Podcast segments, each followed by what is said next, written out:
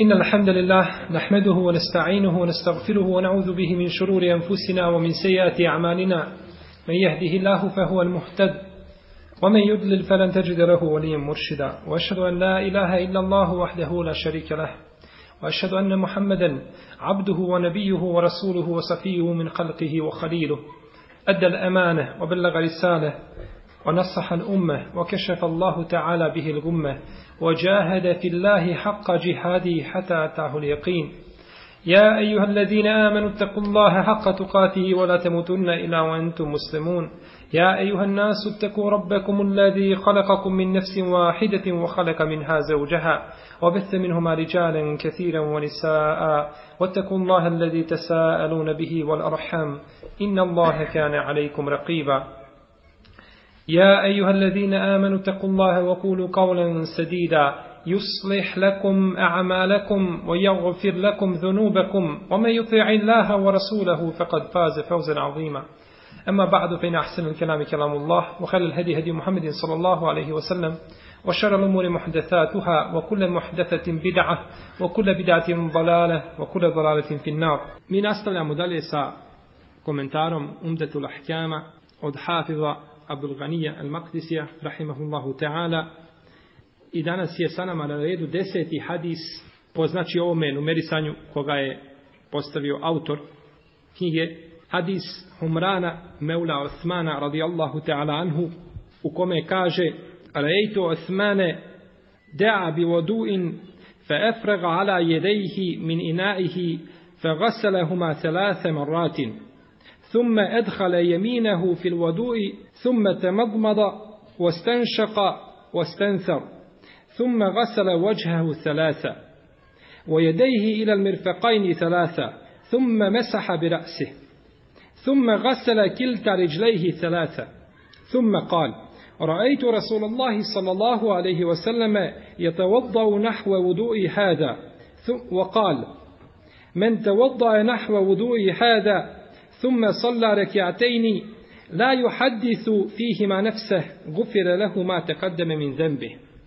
حديث حمران مولى عثمان رضي الله عنه كما كاجة فيديو سم عثمان رضي الله عنه دا يبوزوا دا مستدونيسي إلي زتراجي دا مستدونيسي ودا زعبدست pa je potom iz vode polio sebi tri puta, odnosno iz posude polio sebi tri puta na ruke i oprao svoje, znači, ruke tri puta do zglobova, jeli, ruke do zglobova.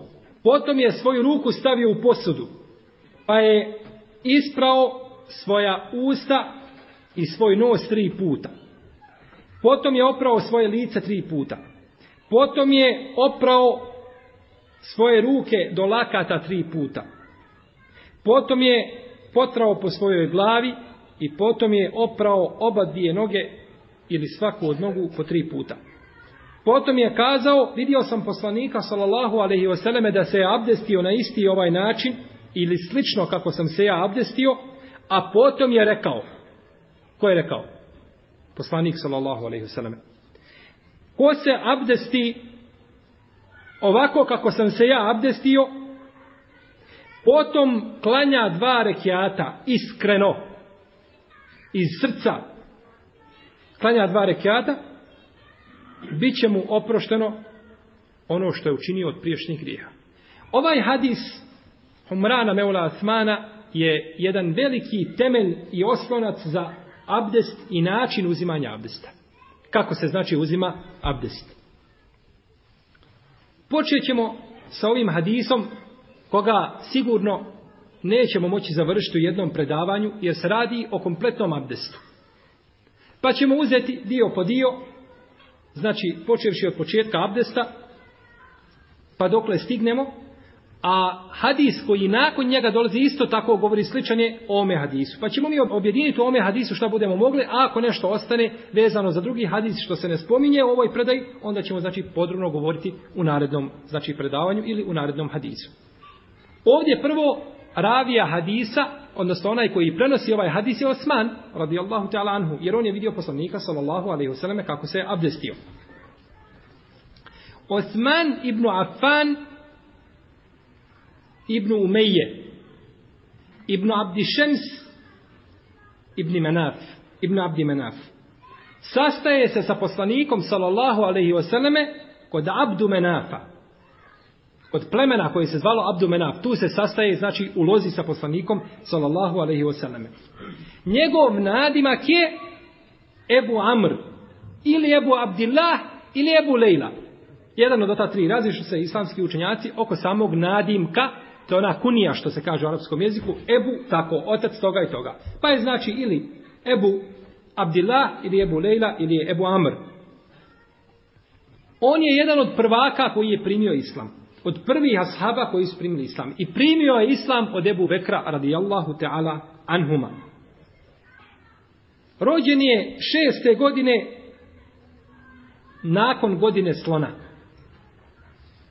Šeste godine nakon godine slona. Učinio je dvije hijdre i oženio je dvije kćerke poslanika sallallahu alaihi wasallam. Oženio je Rukaju i oženio je Umu Kulthum dvije kćerke. Kaže Ebu Nuaim u svome dijelu Marifetu sahabe, nije nikada zabilježeno u istoriji čovječanstva od Adema a.s.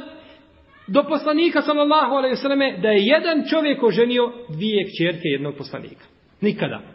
To je jedna velika odlika koja je isključivo Osmanu među svim ljudima koji su borili na zemlji. Niko drugi te odlike nije imao. Da je oženio dvije kćerke od jednog poslanika. Znači, Osman radijallahu anhu se odlikuje tom odlikom nad cijelim čovječanstvom koje je ikada postojalo. On je jedan od prvih ili prvih koji je izišao u Habešu. Kada je učinio znači hijđu u Habešu pa su nakon toga izlazili uh, sa njim brojni ashabi. Poslanik sallallahu alejhi ve sellem se je stidio Osmana više nego drugih ashaba. Više nego drugih ashaba. I poznat je hadis kada je poslanik sallallahu alejhi ve sellem sjedio jednog dana, imao je otkriveno stegno. Pa je ušao Ebu Bekr pa ga nije pokrio, pa je ušao Osman pa ga nije pokrio, pa ušao je, proste, Omer pa ga nije pokrio, pa je ušao Osman pa ga je poslanik sallallahu alejhi ve sellem pokrio. Pa je rekao u jednom hadisu, znači koga bi živa muslim i drugi, kako da se ne stidimo čovjeka koga se stide meleki. Meleki se stide Osmana. Možete misliti kakva je to odlika Osmanu radijallahu ta'ala da se meleki stide njega. I govorio je poslanik sallallahu alejhi ve selleme da je Osman najstidljiviji čovjek od njegovog ummeta. To su znači sve odlike sve odlike Osmanu radijallahu ta'ala A najveća odlika je naravno ona u kojoj je poslanik sallallahu alejhi ve selleme obećao džennet Osmanu radijallahu ta'ala To je dovoljno. Nakon toga ne treba više odlika. Poslanik sallallahu alejhi ve selleme čovjek obeća džennet. Nakon toga je Sve su odlike druge, su manje od te odlike. Jer je to onaj konačni i krajnji i najveći cilj jednog mu'mina da završi znači u džennetu. A kad mu poslanik sallallahu alejhi ve sellem obeća džennet, onda je to sigurno najveća odlika i najveća blagodat. On je taj koji je mnogo pomogao u islam tjelesno i materijalno. Opremio je vojsku kada je bila bitka na Tebuku sa 950 deva i 50 konja sam od sebe opremio vojsku sa ovim. A u drugoj se predaji kaže da je bilo hiljadu deva i 70 konja. Kupio je također jedan bunar koga je dao muslimanima za 20.000 ga je kupio pa ga je dao muslimanima. Pa je poslanik sallallahu alejhi ve sellem rekao u jednom hadisu ko će kupiti taj bunar muslimanima, a njemu pripada i slično vrelo u džennetu. Pa ga je kupio Osman radijallahu ta'ala. Anhu i dao ga znači muslimanima. Bio je jedan od najpobožnijih ashaba.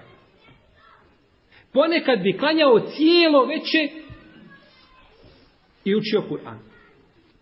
Ili klanjao znači ili učio Kur'an. A ponekad bi proveo cijelo veće na namazu. A u nekim predajama se navodi koje je vjerodostajnim ocjenio Ibn Hajar al-Asqalani u svome dijelu Fethul Bari, kaže da je cijelo veče klanjao jedan rekiat vitr namaza i na tom vitr namazu da je proučio cijeli Kur'an. Hatmu Kur'ana, znači cijeli Kur'an završio na jednom rekiatu na noćnom namazu. U jednoj se predaj navodi da je to uradio iza Meqami Ibrahima u Mekki i da je zamotao svoje lice da ga niko ne vidi, da niko ne zna ko je to. Da ne bi neko kazao, halifa muslimana je pobožan. Pa je znači omotao, zamotao svoje lice i klanjao na jednom rekiatu, učio je cijeli Kur'an. Naravno, to je zabranjeno. To je poslanik sallallahu alaihi sallam je zabranio da se Kur'an prouči za manje od tri dana. No, međutim, vjerovatno da te zabrane nisu došle do Osmana radijallahu talanhu, kao što brojni drugi hadisi nisu došli do brojni ashaba, pa do Omara radijallahu anhu nisu došli brojni hadisi, tako do Osmana, tako do Alije i Znači, ashabi su kao cijelina samo nosili cijeli sunnet, a nije nijedan ashab ona osob imao znači cijeli sunnet. Pa tako da vjerojatno Osman radijallahu anhu nije znao za ove hadise, u protivnom ne bi uradio ono što je suprotno sunnetu poslanika, sallallahu alaihi wasallam. Jedne prilike je bio poslanik, sallallahu alaihi wasallam, na vrdu Uhud. Sa Ebu Bekrom, Osmanom i Omarom. Sa Ebu Bekrom, Omarom i Osmanom, pa se je brdo Uhud zatreslo, Pa je kazao poslanik sallallahu alaihi wasallame usput ja uhud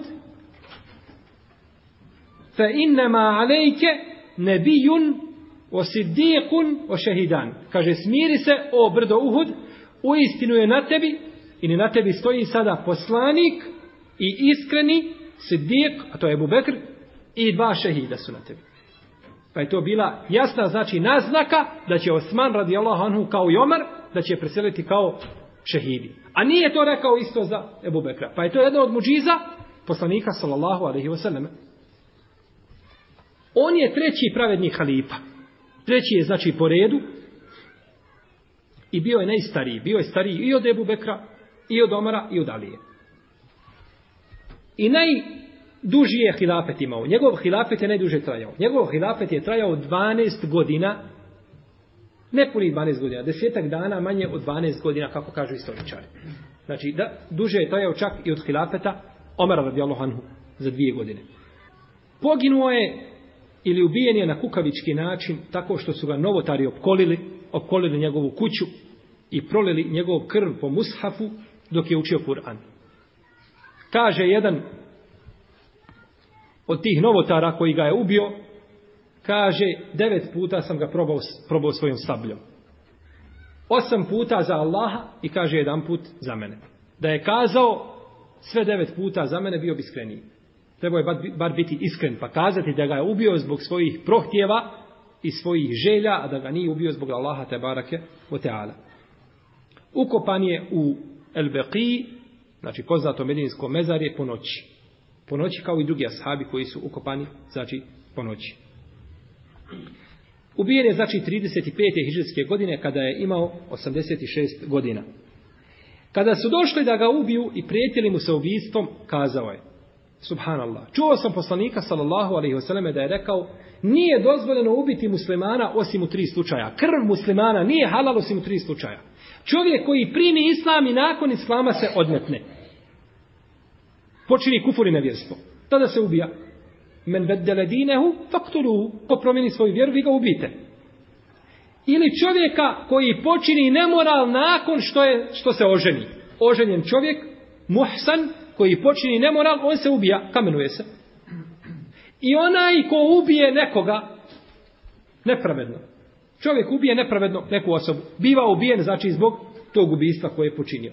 To su tri slučaja u kojima je dozvoljeno čovjeku da ubije, znači da ubije ili da bude čovjek musliman ubijen. Nije dozvoljeno drugačije. Pa je kazao zbog čega ovi ljudi kažu da je moja krv halal i zbog čega me ubijaju, a ja nisam počinio ništa doga. Tako mi Allaha kaže ne bi svoju vjeru zamijenio ni zašto. Nakon što sam ušao u islam i što me Allah uputio, kaže nema te stvari zbog čega bi ja zamijenio svoju vjeru. Tako mi Allaha kaže nisam počinio nemoral ni u džahilijetu ni u islamu.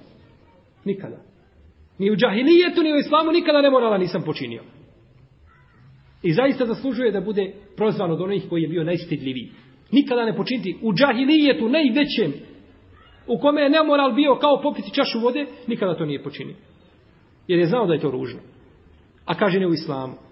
I tako mi Allaha kaže nisam nikoga, nikada nikoga nepravedno ubio. Zbog čega oni mene, zbog čega oni mene ubijaju?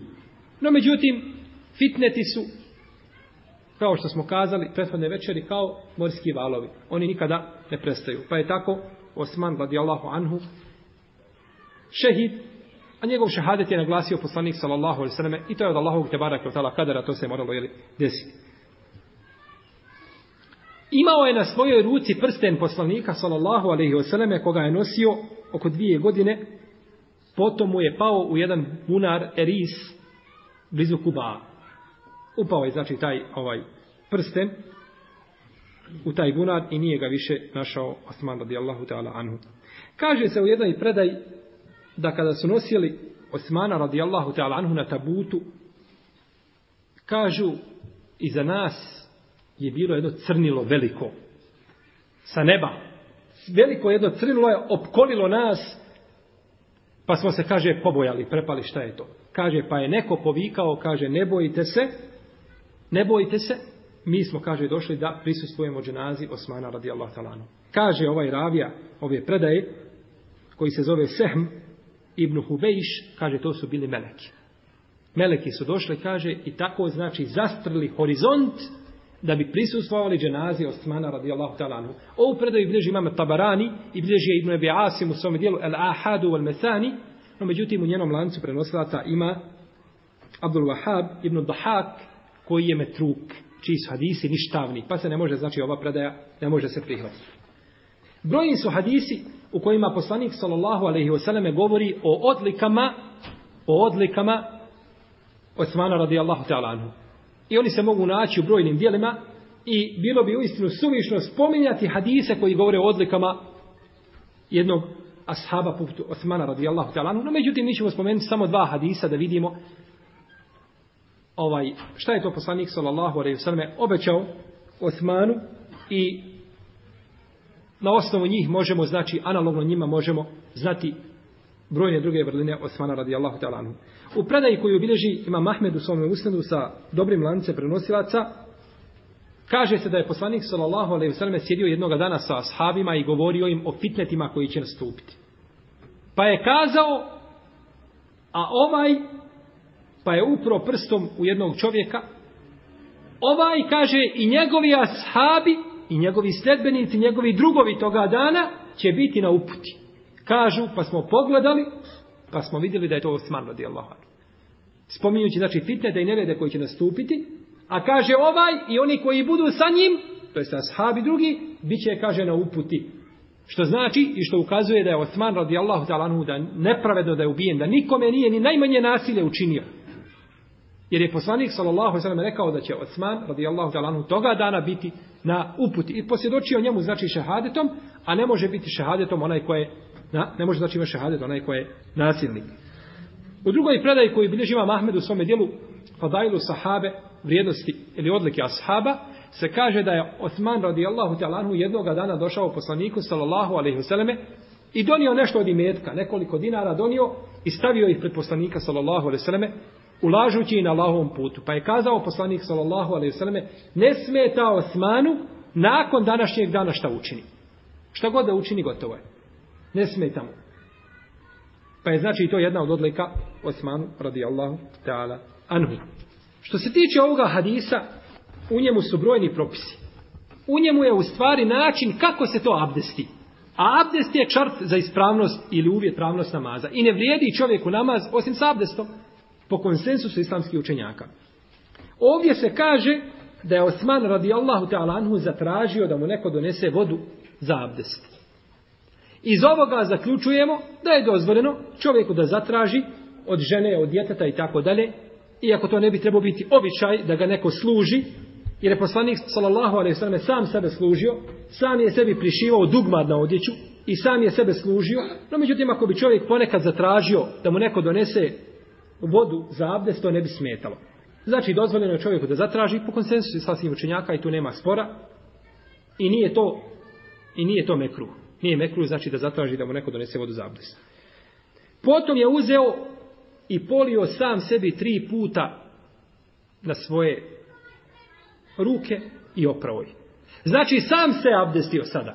Samo mu je neko donio vodu. Ali isto tako on ima smetnje da mu neko polijeva da se on abdestio. Jer je tako činio poslanik sallallahu alejhi ve selleme. U brojnim hadisima se navodi da ashabi kažu, pa sam mu ja polijevao na abdest, pa onda opisuje abdest poslanika, sallallahu alaihi wa alihi wasallam. Pa je oprao svoje ruke tri puta. U ome je znači dokaz da treba oprati ruke prije abdesta tri puta i tu nema razilaženja i spora među islamskim učenjacima da je to sunnet. Svi se slažu da je sunnet oprati ruke prije početka uzimanja abdesta tri puta. U redu. U ovome hadisu nije spomenuto izgovaranje Allahovog imena besmele prije abdesta. Nije spomenuto. A hadis je kod Buhari i kod muslima. I govori se o opisu abdesta. Da li možemo na osnovu toga onda kazati da izgovaranje bismile prije abdesta nije propisano, nije legitimno, niti je obavezno, niti je sunnet. Možemo li kazati tako? Ne možemo. Jer ne mora značiti da u jednom hadisu mora biti spomenuto sve.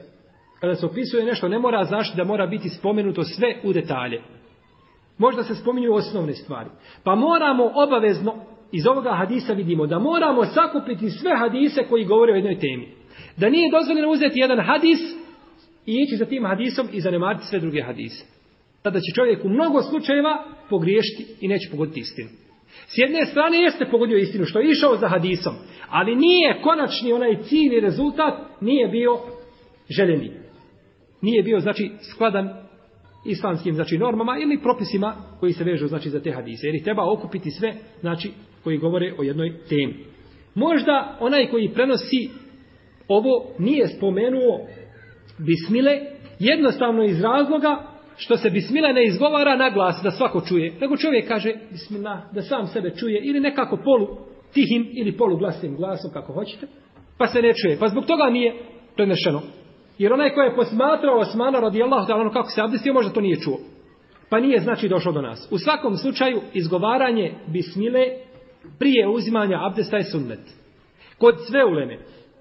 Pazite, kažemo sunnet kod sve uleme, znači li to da niko nije rekao da je vađiv? Ha? Ako kažemo da je sunnet kod sve uleme, možemo li kazati da je ulema rekao da je vađiv? Možemo. Jer je sunnet šta? Niži od vađiva, pa on ulaži u, u šta? U vađiv. Ovdje kada kažemo, sva ulema je složna da je iskovaranje bismile prije abdesta sunnet. Ako je neko doleme rekao da je vađiv, pa on isto kaže da je sunnet. Mora reći da je sunnet. Jer je rekao nešto što je više od vađiba, od, od sunneta, a to je vađib. Pa mora znači kazati da je sunnet. Znači većinski dio uleme kaže da je to sunnet ili svi kažu da je sunnet, a neki idu i dalje od toga pa kažu da je vađib. Na osnovu hadisa poslanika sallallahu alaihi wasallam u kome se kaže nema namaza onaj ko se ne abdesti, a nema abdesta onaj ko ne spomene Allahovo ime. Nema namaza onaj ko se ne abdesti. I tu nema spora. To se svi slažu, znači da je abdest uvjet za ispravnost namaza. A nema abdesta onaj koji ne izgovori Allahovo ime. Ovaj hadis bilježe sabirači sunena Bejhati, Tabarani, Ibn Ebi Šejbe, Bagavi i brojni drugi. I dobrim su ga ocijenili Ibn Ebi Šejbe, Mundiri, Ibn Salah, Ibn Ketir, Iraki, Ibn Kajim, Ibn Hajar, Ibn Sejdi Nas, Ibn Muletkin, Šaukjani, Sanani, Sidik Khan, Mubarek Furi, Ahmed Šakir, Sejid Sabit, Šeh Albani i brojni drugi smatraju ovaj hadis dobrim. Pojačali su ga, znači, mnoštvom puteva. U drugom se hadisu kaže da je poslanik sallallahu alaihi wasallam rekao ashabima te wabba'u bismillah. Uzmite abdest bismillah u Allahovo ime. Bismillah. Ovo nije jasno da treba kazati bismillah, no međutim, može se iz hadisa zaključiti. Ali je prethodni hadis jasniji, a on je dobar. Hadis dobar jer je došao sa brojnim putevima, pa su ga najveći, znači, islamski učenjaci prihvatili i pojačali ga ovaj pojačali znači te puteve kojim se navodi ovaj hadis. No međutim spor se vodi oko razumijevanja ovoga hadisa. Znači li to onaj ko uzme abdest, a ne kaže bismillah da je njegov abdest šta? Neispravan. Ako mu je abdest neispravan, onda mu je i na vas neispravan. Dobro, da li znači ovaj hadis potpunu negaciju abdesta onome ko ne izgovori Allahovo ime ili znači da ima nepotpun abdest. Ponekad čovjek može uraditi neko djelo pa mu bude nepotpuno, ali je priznato. Kao namaz čovjek uradi, pa ne, ne obavlja namaz po sunetu onako kako treba, pa mu je nepotpun namaz. U smislu nagrade, ali mu je valjan, ne mora ga znači ponavljati. Tu se vodi spor između islamskih učenjaka, neki kažu ne vrijedi. I to je mala manjina islamskih učenjaka koji kažu ne vrijedi. Neki prave razliku između onoga koji zaboravi i onoga koji kaže i koji namjerno ostavi. Pa kažu, ko namjerno ostavi, pokvareno mu je. A ko zaboravi, ispravno mu je. Znači, ispravan je abdest. Neki islamski učenjaci kažu da je znači ovaj hadis da znači negaciju potpunosti, a ne ispravnosti. Pa kažu, znači, ima ispravan abdest, ali mu je krnjav abdest. Pa krnjav abdest, onda biva krnjavi namaz, ali ga ne mora, znači, ponavljati. No međutim, ovdje mi se najviše dopadaju riječi Ebu Ubejda, koji kaže u svome dijelu Tuhur, ovako kaže. Ne smatram da iko treba izostaviti besmelu prije abdesta, izgovaranja Allahovog imena. Kaže, ja ponekad iz zaborava ne spomene Allahovo ime prije abdesta, pa ga porovim izgovarajući besmelu. Međutim, ovim ne obavezujem nikoga da me slijedi, niti smatram da su namazi abdest pokvareni onome ko ne izgovori besmelu. E ovo je zaista, braćo, pravi fik. Čovjek kaže, ja sam prihvatio ovaj hadis. Jer ima, braćo, imama koji su osudili ovaj hadis. Nisu ga prihvatio. Ima Mahmed ga nije prihvatio. Šehol Islam Ibn Taymih ga nije prihvatio. Ibn Usaymin ga nije prihvatio. I drugi učenjaci nisu prihvatili ovaj hadis. Kažu, on je daiv, slab. Ali smo naveli ovdje skupinu imama i uleme stručnjaka u hadis koji isprihvatili ovaj hadis. I ispravno je da je on dobar. No međutim, možemo li mi kazati, ja kažem da je hadis dobar, I sada tim hadisom obavezujem svakoga da mora raditi po njemu. To nije ispravno. Jer ko kaže da nije taj hadis ispravan, on neće izgovarati i neće smatrati sebi izgovaranje bismile obavezno. Pa kaže Ebu Ubejd, kaže ja ga smatram obaveznim, ali ne obavezujem nikoga da tako postupa. Pa ko, znači, ko ostavi izgovor bismile, nije loše, znači da ponovi abdest Osim ako smatra da je ovaj hadis neispravni, da neće raditi po njemu, onda je to znači, onda je to drugo. No međutim, ispravno je da je hadis dobar i da ne treba čovjek nikako ostavljati izgovaranje bismile. A i kada ne bismo imali ovoga hadisa, lijepo je da čovjek znači svako svoje dijelo počne sa bismilom. A naročito, je li abdest koji je uvjet za ispravnost nekog dijela. Odnosno, uvjet za ispravnost ili namaza. Nakon toga se navodi u hadisu da je Osman radijallahu ta'ala anhu zagrabio svojom rukom ili šakom iz posude vodu. Ovo nam ukazuje da je dozvoljeno čovjeku da stavi svoju ruku u posudu iz koje se abdesti nakon što je opere tri puta. Jer smo spominjali u prethodnim hadisima da je zabranjeno čovjeku da stavi svoju ruku u posudu i da zagrabi vode iz posude ako nije prije toga oprao svoje ruke. Pa znači mora oprati nakon toga, jeli, onda tek uzima vodu. Potom je izaprao svoja usta tri puta. Ostenšaka, ostenser. Mi smo govorili, istinšak je stavljanje vode u nos, a istincar je izbacivanje, znači, vode iz nosa. Pa je, znači, izaprao svoja usta i svoj nos. Iz ovoga hadisa i drugih hadisa šafijski pravnici zaključuju da je obaveza čovjeku da slijedi redoslijed. Tertib. Redoslijed pri uzimanju abdesta. Čak i kod sunneta. Kad se radi ili o vađibima ili o sunnetima, da je obaveza čovjeku znači da slijedi taj redoslijed. Ovdje je prvo poslanik sallallahu alaihi sallam u ome hadisu izaprao jer nam Osman radijallahu anhu prenosi šta? Abdest poslanika sallallahu alaihi sallam. Izaprao je usta prije nosa. Kažu islamski učenjaci, pranje usta prije nosa biva zbog vrijednosti i odlika tog organa. Zato što, je, zato što su usta vrijedniji organ od nosa. Imaju bolje i vrijednije funkcije. Pa kroz usta čovjek unosi hranu i piće bez kojih nema života. Diše kroz usta isto tako kao i kroz nos, a nema života bez disanja i jela i pića. On ustima uči Kur'an i uči zikrove, bilo da se radi o vađivima ili o sunnetima poziva na dobro i odvraća od zla. Sve su to znači vrijedniji organ, znači sve to ukazuje da su znači usta vrijedniji organ od nosa. Pa zbog toga je i došlo u hadisu da se znači peru i ispiraju usta prije prije nosa. Ispiranje usta el madmada u arapskom jeziku znači pokretanje znači vode u usnoj šupljini. A to se čini znači sa obrazima da čovjek lijevo desno pokreće vodu u usnoj šupljini. To je i zapiranje usta. Neko stavi samo usta u vodu, e, stavi vodu u usta i pusti vodu napolje. To nije pravo propisano ispiranje usta. Ispiranje usta je znači da se pokreće voda u usnoj šupljini. Da bi se moglo znači zaprati ako je eventualno nešto ostalo znači u ustima između zuba nakon hrane i tako dalje. No međutim, je li to pokretanje vode u ustima šart? Ako čovjek samo stavi vodu u usta i pusti je napolje, nije pokretao lijevo desno, je li ispravno njegovo ispiranje usta? Je li ispravno ili nije? Jes, jednoglasno. A ulema se razišla, a vi se ne razilazite. Ulema se je razišla. Neki kažu da jeste, da mora se pokratati voda lijevo desno u ustima da bi ispiranje usta bilo ispravno. No međutim, ispravno je ono što je ova savremena ulema odlučila, a to je da to nije šart i nije uvjet. Kada bi čovjek samo tako učinio i pustio vodu napolje, znači bilo bi učinio bi ono što je trebao učiniti, a to je ispiranje ustano. Međutim, nije postigao ono najbolje. Postigao ono što je stepen niže od toga. Isto tako međ, a međ je izbacivanje vode iz usta pod pritiskom. Isto to nije, znači, uvjet, Ali kada se tako učini, onda se sve izbaci. I iziđe sve. Jer čovjek kada bi izabrao, izabrao svoja usta i pokretao vodu u usnoj šupljeni, potom znači ispljunuo svoju vodu iz usta, ali ne bi to pod pritiskom uradio, onda bi znači moglo ostati nešto. Pa ako to uradi, to je bolje. No, međutim, ako normalno pusti vodu, isto ispravno je. Isto kao čovjek, ovdje se braće ovo može uporediti sa čovjekom koji uzme misvak, suh, i čisti svoje usta, zube. Ima li nagradu mi svaka? Ima. Ali je li postigao cilj mi svaka? Nije. Jer je mi svak suh. A suho ne može nešto puno koristiti. Nego treba da je mi svak svjež i da ima onu u sebi tečnost, tekućinu, koja je jača od bilo koje paste za zube, koja djeluje po par sati, a najbolja pasta za zube djeluje samo 20 minuta. Pa ona ubija sve bakterije i puno bolje čisti nego znači obične ove paste za zube.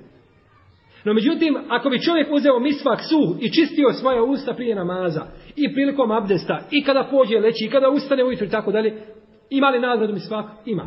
Ali nije postigao cilj. E tako i čovjek ovdje. Imao bi nagradu, imao bi i zapiranje usta i ispravno je, ali nije postigao pravi cilj. A to je zaista da izapere znači svoja usta kako treba. No međutim, u svemu treba biti umjeren čovjek. Pa da ne bi znači to sada pretjerivao u tome da ga zabole u usta od, od pokretanja te vode, nego znači normalno pokrene vodu lijevo desno ili gore dole za perje znači usta i potom znači istume vodu iz svojih usta. Dobro. Kada bi čovjek uzeo i pokretao vodu svojim ustima i nakon toga proguta tu vodu. Islamski učenjaci o tome raspravljaju. Šta ako proguta vodu? Je li mu ispravno izapiranje usta i je li izapravo svoja usta imali nagradu? on ima nagradu i zapiranje usta. Jer je on izapravo svoja usta. Sad kuda je voda otišla, to nas ne zanima. No međutim, ispravno je da čovjek tu vodu vrati nazad. Da čovjek tu vodu vrati, da tu čovjek vrati, znači nazad, da je ne proguta. Dobro. U ome hadisu se ne spominje načini zapiranja usta i nosa. Kaže se izapravo je svoja usta i nos tri puta. Kako? Ne znam. Znači li to da čovjek može zaprati kako hoće? Ista stvar. Kao što smo prije spomenuli. Ne znači, moramo se vratiti šta? Na druge hadise koji su pojasnili. No međutim, kada bi nam bi neko rekao moraš iz ovoga hadisa mi kazati kako je to poslanik sallallahu sallam i zapravo usta i nosi. Ne prihvatam ja drugo. Hoću iz ovoga hadisa. Šta bismo mu kazali? Šta bismo mu kazali? Kako je to? Ja ću vam ponoviti da čujete još jedan put tekst hadisa. Kaže ome hadisu, pa je Osman radijallahu anu, jeli govoreći kako se poslanik sallallahu sallam abdestio i pokazivajući to praktično, Pa je, kaže, stavio svoju desnicu u vodu, potom zagrabio, potom izaprao svoja usta i svoj nos. Potom je oprao svoje lice tri puta. Možemo li šta zaključiti za ovoga hadisa? Izaprao je svoja usta i svoj nos, potom je oprao lice tri puta, potom je oprao svoje ruke tri puta, potom je potrao po glavi, potom je oprao noge tri puta. Možemo li šta zaključiti? Jeste nije rekao tri puta, ovdje se smatra, u drugim hadisma spominje tri puta, ali hoćemo kazati, ovdje rekao usta i nos, spojio je skupa. Spojio je, isto vremen, nije rekao usta, pa nos, pa dobro, nego usta i nos, pa je spojio zajedno. Pa je spojio zajedno. U svakom slučaju, između islamskih učenjaka se vodi spor kako izapirati usta i nos. Vodi se spor o načinu, znači, izapiranja usta i nosa. Ne o samom izapiranju, to je jasno, nego o načinu, o kakvoći ispiranja usta i nosa. Što se tiče ispiranja nosa, ona se čini isto kao ispiranje usta. U smislu da se ušmrkne voda u nos. U tome sam mi govorili, tako? Znači da se stavi voda do nosa, pa se ušmrkne voda u nos i potom se onda izapere, znači, dobro nos. U redu. Izapiranje usta i nosa po jačem mišljenju čini se iz jednog poteza iz jedne šake. Pa se pola vode stavi u usta, a druga polovina se stavi u šmrkne se u nos. Znači iz jednog poteza, pa se tako iz tri šake operu i usta i nos. I to je lakše za čovjeka, to je manje posla. To je, to je lakše nego da čovjek pere svoje usta tri puta, pa potom nos tri puta. No međutim, mi ne mjerimo da li je lakše ili je teže. Mi mjerimo po dokazima. Gledamo kakvi su argumenti, na osnovu čega ovaj zaključujemo to. Ovo mišljenje znači da se tako uzima abdest, iz jednog poteza, ispiranja usta i nosa, zastupaju učenjaci hambelijske, većina učenjaka šafijske i neki učenjaci malikijske pravne škole. Većina hambelija, neke šafije i neke hambelije, znači smatraju da se ovako izapira, izapira usta i nosa. Šta je dokaz tome? Dokaz tome je hadis u kome Abdullah ibn Zaid opisujući abdest poslanika sallallahu alejhi ve selleme kaže Potom je isprao usta i nos iz jednog poteza. Jasan hadis. Potom je isprao, znači usta i nos iz jednog poteza. Tri puta, znači u ta tri puta bi zaprao i svoj nos i svoja usta. Tako, znači nije razdvajao između toga. Kaže imam neovi u komentaru ovoga hadisa. U ovoj predaji je jasan dokaz da se ispiranje usta i nosa čini iz jednog zahvata. Pola vode i šake znači za ispiranje usta, pola za ispiranje nosa. Kao da su jedan dio tijela. Samo, znači popola i kaže tako tri puta. Slično ovome su kazali Ibn Salah, Ibn Al-Kajib, Ibn Hajar al-Askalani, Imam Sanani, Mubarek Furi i brojni drugi. Ovo je, braćo, najispravnije i najjasnije što je preneseno od poslanika, salallahu alaih sallam, po pitanju ispiranja usta i nosa. Jer je ovaj hadis kod Buhari i kod muslima. Da je ispirao iz jednog poteza, kod Buhari i kod muslima.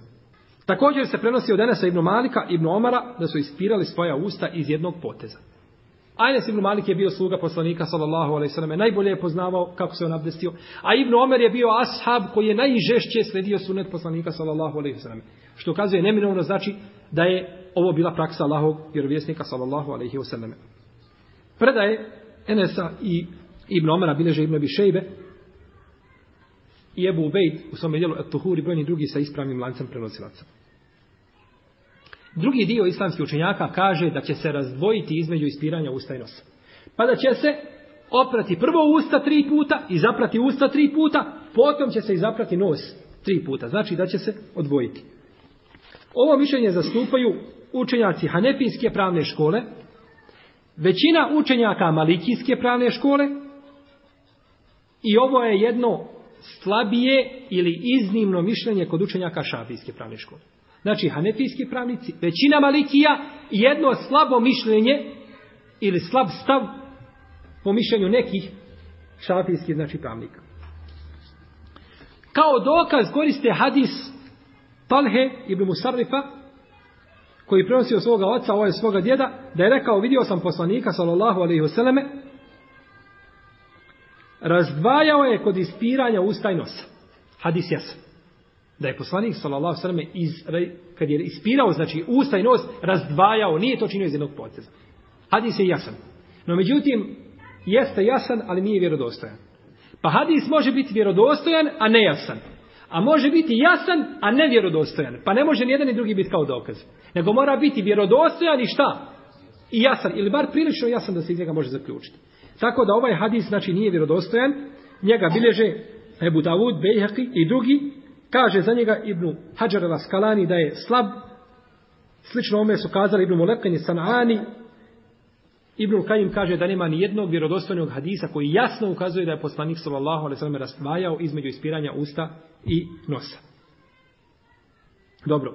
Da li je onda ispiranje između razdvajanje kod ispiranja usta i nosa ispravno? Da li se može tako uraditi? Može li ne može? Na osnovu onoga što smo citirali ne može. Jer smo vidjeli da je da sunet vjerodostojan kod Buhari i kod muslima ukazuje da se ne razdvaja, a hadis koji je slab, koji je daif, ukazuje da se može razvojiti. No međutim, braćo, imaju predaje, imaju hadisi iz koji se može zaključiti, koji nisu potpuno jasni, iz koji se može zaključiti da je poslanik sallallahu alaihi sallame razdvajao pri ispiranju usta i nosa. A to je hadis u kome stoji da je Ali radijallahu talanuhu abdestio se, da je oprao svoje šake, zatim ispravo svoja usta tri puta i svoj nos tri puta zaključuje ta razdvajanje? Oprao je usta tri puta i nos tri puta.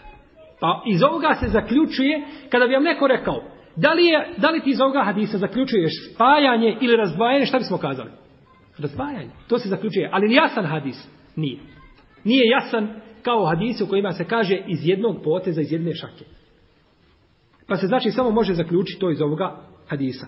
Pa je onda Ali radijallahu ta'ala kazao, vidio sam poslanika sallallahu sallam da se ovako abdestio.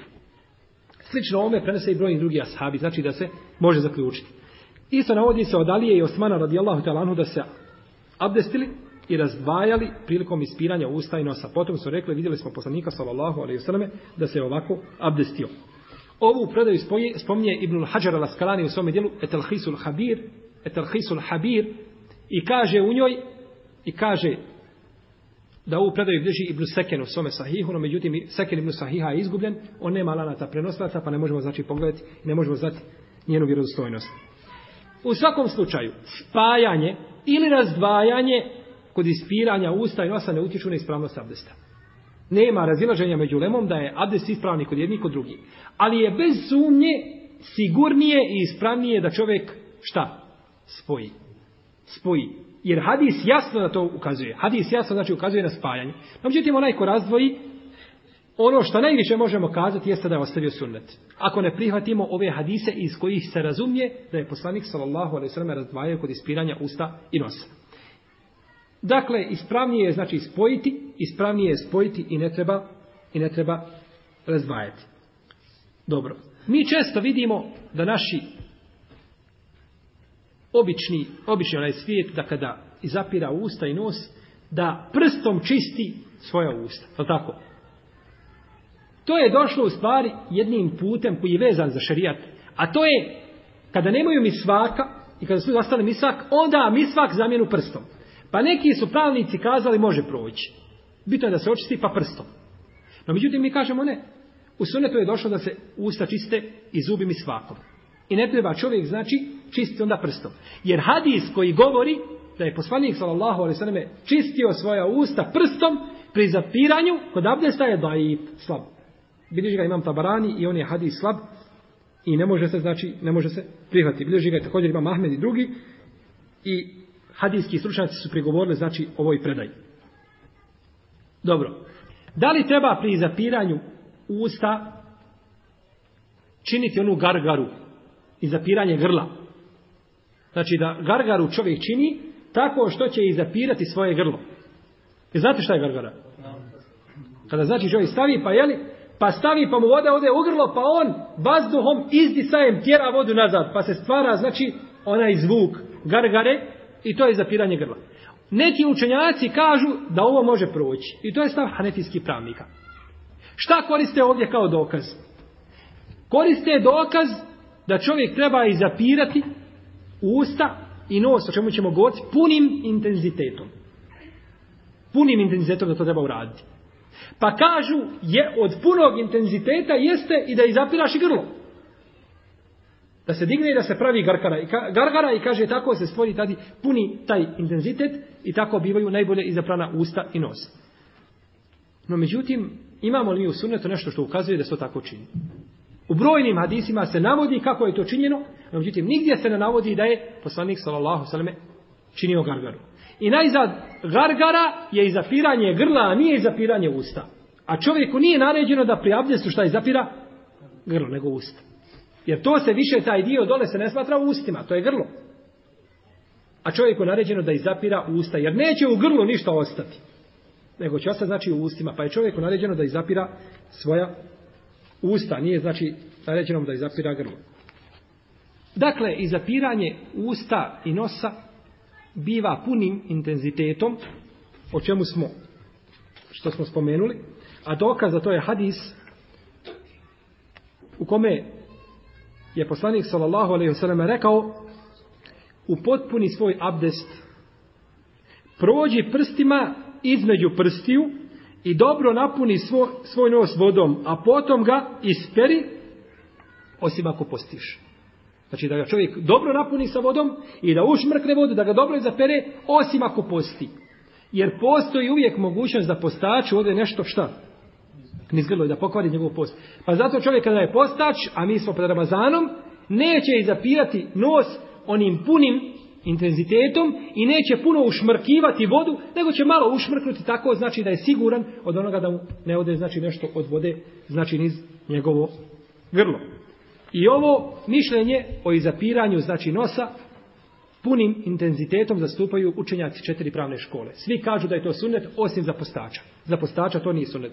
No međutim, ako bi čovjek stavio samo vodu u nos i pustio da iziđe, kao što smo kazali, njegovo ispiranje nosa bi bilo ispravno, ali ne bi znači postigao onaj cilj koji je trebao da postigne.